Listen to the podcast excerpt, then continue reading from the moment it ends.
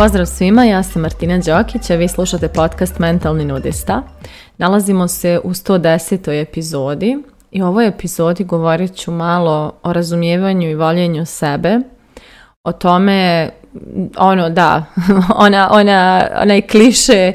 o, e, kako se to kaže, pa da, o voljenju sebe, kako je važno voljeti sebe, ali malo ću ga razraditi kao i su mnoge kliše koje sam obradila u ovom podcastu. I ovo je jedan od najvažnijih zapravo, jedna od krucijalnih tema za svako dobro stanje i svaki važan korak koji treba da napravimo u budućnosti, koji planiramo da napravimo i, koji, i onako mislim da bez toga stvarno mnogo toga u našem životu ne može da se desi. Naravno, govorit i kroz sobstveni primjer i govorit ću malo i o tome zašto mi sebe i ne volimo u mnogim nekim situacijama i šta nas to sprečava da shvatimo svoju vrijednost i, i svoj značaj. I, ovo je neka tema koja se provlačila kroz mnoge i mislim da sad posle 110 epizoda malo je koja životna tema tu koju nisam na neki način obradila, ali bit će ih još. I ono što negdje, eh, od čega sve počinje, počinje naravno od djetinjstva i počinje od načina na koji smo primali ljubav ili dobijali ljubav kada smo bili mali i najviše kada su u pitanju ljudi čija nam je ljubav najpotrebnija bila. To su uglavnom naši roditelji, babe, dede, tetke, učiteljice, učitelji, braće, sestre i slično. I negdje šta smo shvatili, šta nam je objašnjeno da ljubav jeste.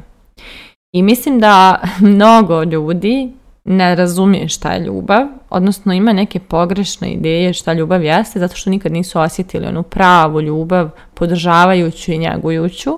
nego su osjetili onu tough love, ono, ono nešto,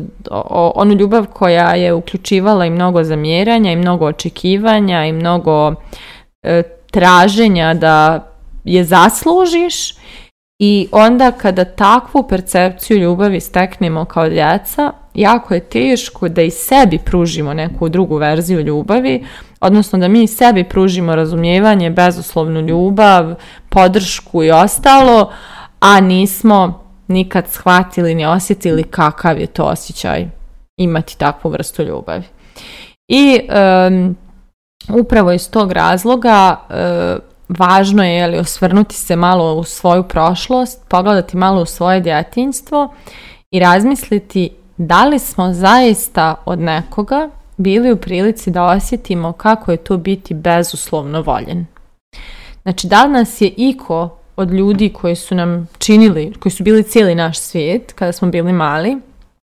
da li nam je iko praštao greške, objašnjavao nam da i kad pogriješimo, dobri smo i vrijedimo i voljeni smo, da li nam je iko e, davao prostor da budemo tužni ili ljuti ili nezadovoljni, a da nas ipak voli takve,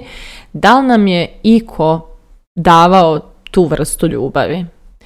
Najčešći odgovor je da nije. Ima roditelja koji jesu, ja znam da to postoji i znam neke ljude koji su to imali, ali suština je naši roditelji nisu često bili u situaciji da dobiju takvu ljubav od svojih roditelja kao ni njihovi od svojih i onda malo ko u našoj liniji predaka zna kako izgleda ta potpuna, bezuslovna, apsolutna ljubav. I baš je Brené Brown, ako ne znate ko je, saznajte, rekla u svom čuvenom TED toku Moć ranjivosti, rekla je pričala je o tome koliko bježimo od ranjivosti, koliko pokušavamo da se upakujemo kroz estetiku, kroz novac, kroz sve živo, mislim nije tim riječima rekla, ali u tom pravcu je pričala, da je rekla kada bi roditelji, znači kada dobiju dijete, onda pokušavaju da ga učine savršenim, ono da ga što više sekcija pošalju, nauče što više vještina, da nekako njegovu vrijednost iskažu kroz njegova znanja. A kaže, kada bismo imali roditelje koje svom djetetu kažu nisi savršen i nikad nećeš biti, ali ja te potpuno volim takvu kakav jesi i zauvijek ću te voljeti i prihvatati takvu kakav jesi, kada bi takve roditelje imali, stvorila bi se generacija ljudi koji, koji bi riješili sve probleme ovog svijeta. Ali mi nismo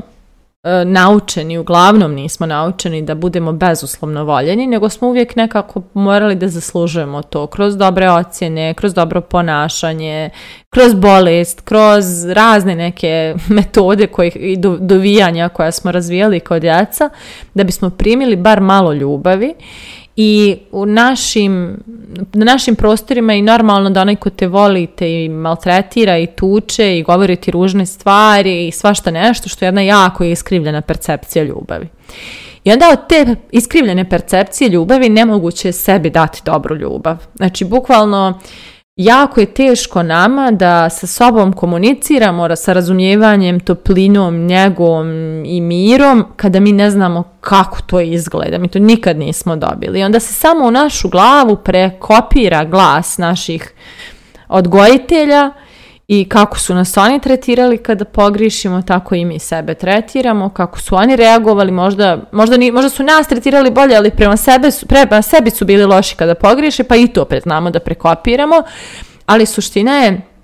izgradimo taj neki strog, zeznut, komplikovan glas, zahtjevan, ljut, nestrpljiv, koji nas kinji, koji nas proganja, koji se ljuti na nas, koji stalno nešto mjeri, jesmo li dobri, nismo dobri i iz takvog stava mi smo stalno neko koji na nekoj probi, testu, stalno se neka naša lična vrijednost preispituje, ali ne preispituje drugi, nego je prije svega preispitujemo mi. Zato što je preispitivana otkad znamo za sebe. I e, najvažnija stvar koju treba da naučimo je kako izgleda ta njegojuća ljubav. Kako to, kako je to biti istinski voljen, takav kakav jesi, prihvaćen, shvaćen, podržan i naučiti baš takvu ljubav pružiti sebi.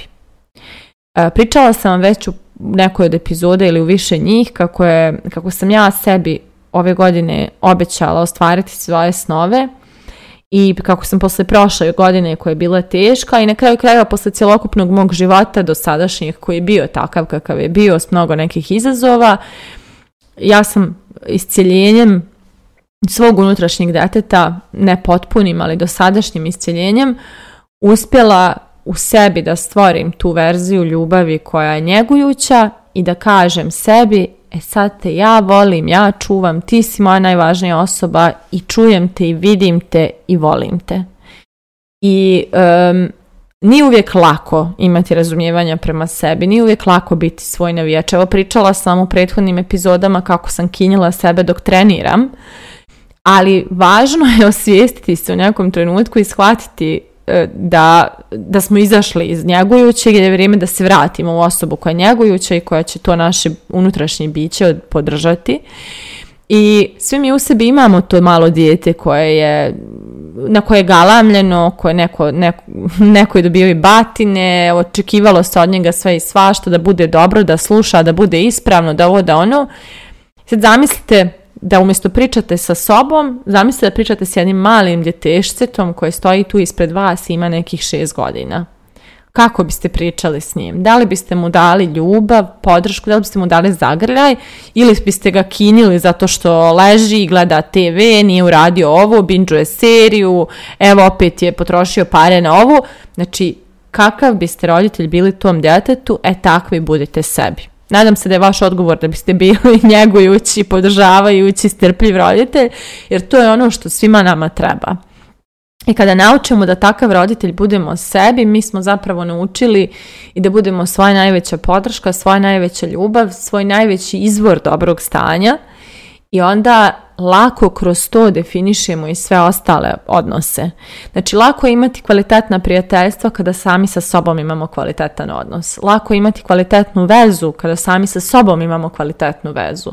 Lako je imati dobre klijente kada sa sobom smo dobri i ne dozvoljavamo da nas iko tretira imalo drugačije nego mi sami sebe. I onda nekako ljudi osjete jasno te granice, tu, tu, tu, tu emociju koju nosite u sebi i usklađuju se s njom.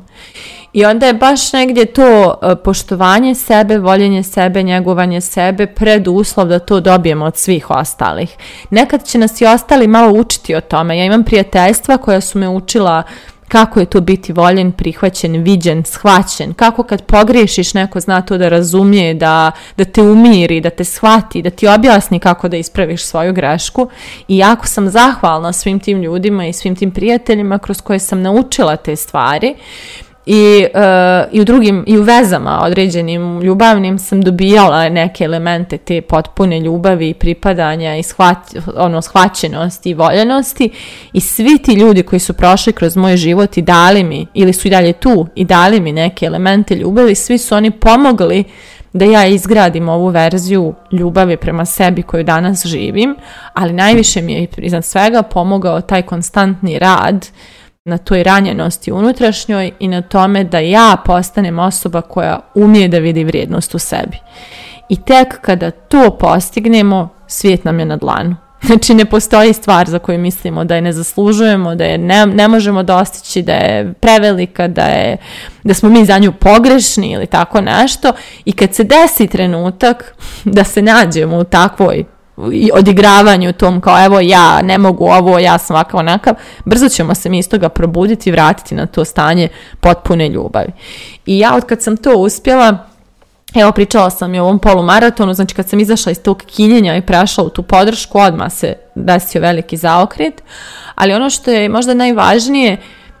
da desi se ogroman mir jer više spolja nema stalnih trigera koje preispituju to da li vrijedite, da li ste dobri, da li valjate, da li ste se dokazali, da li ste poslušni, da li ovo, ono, nije bitno. Vi sebe volite, vi ste sebi dobri,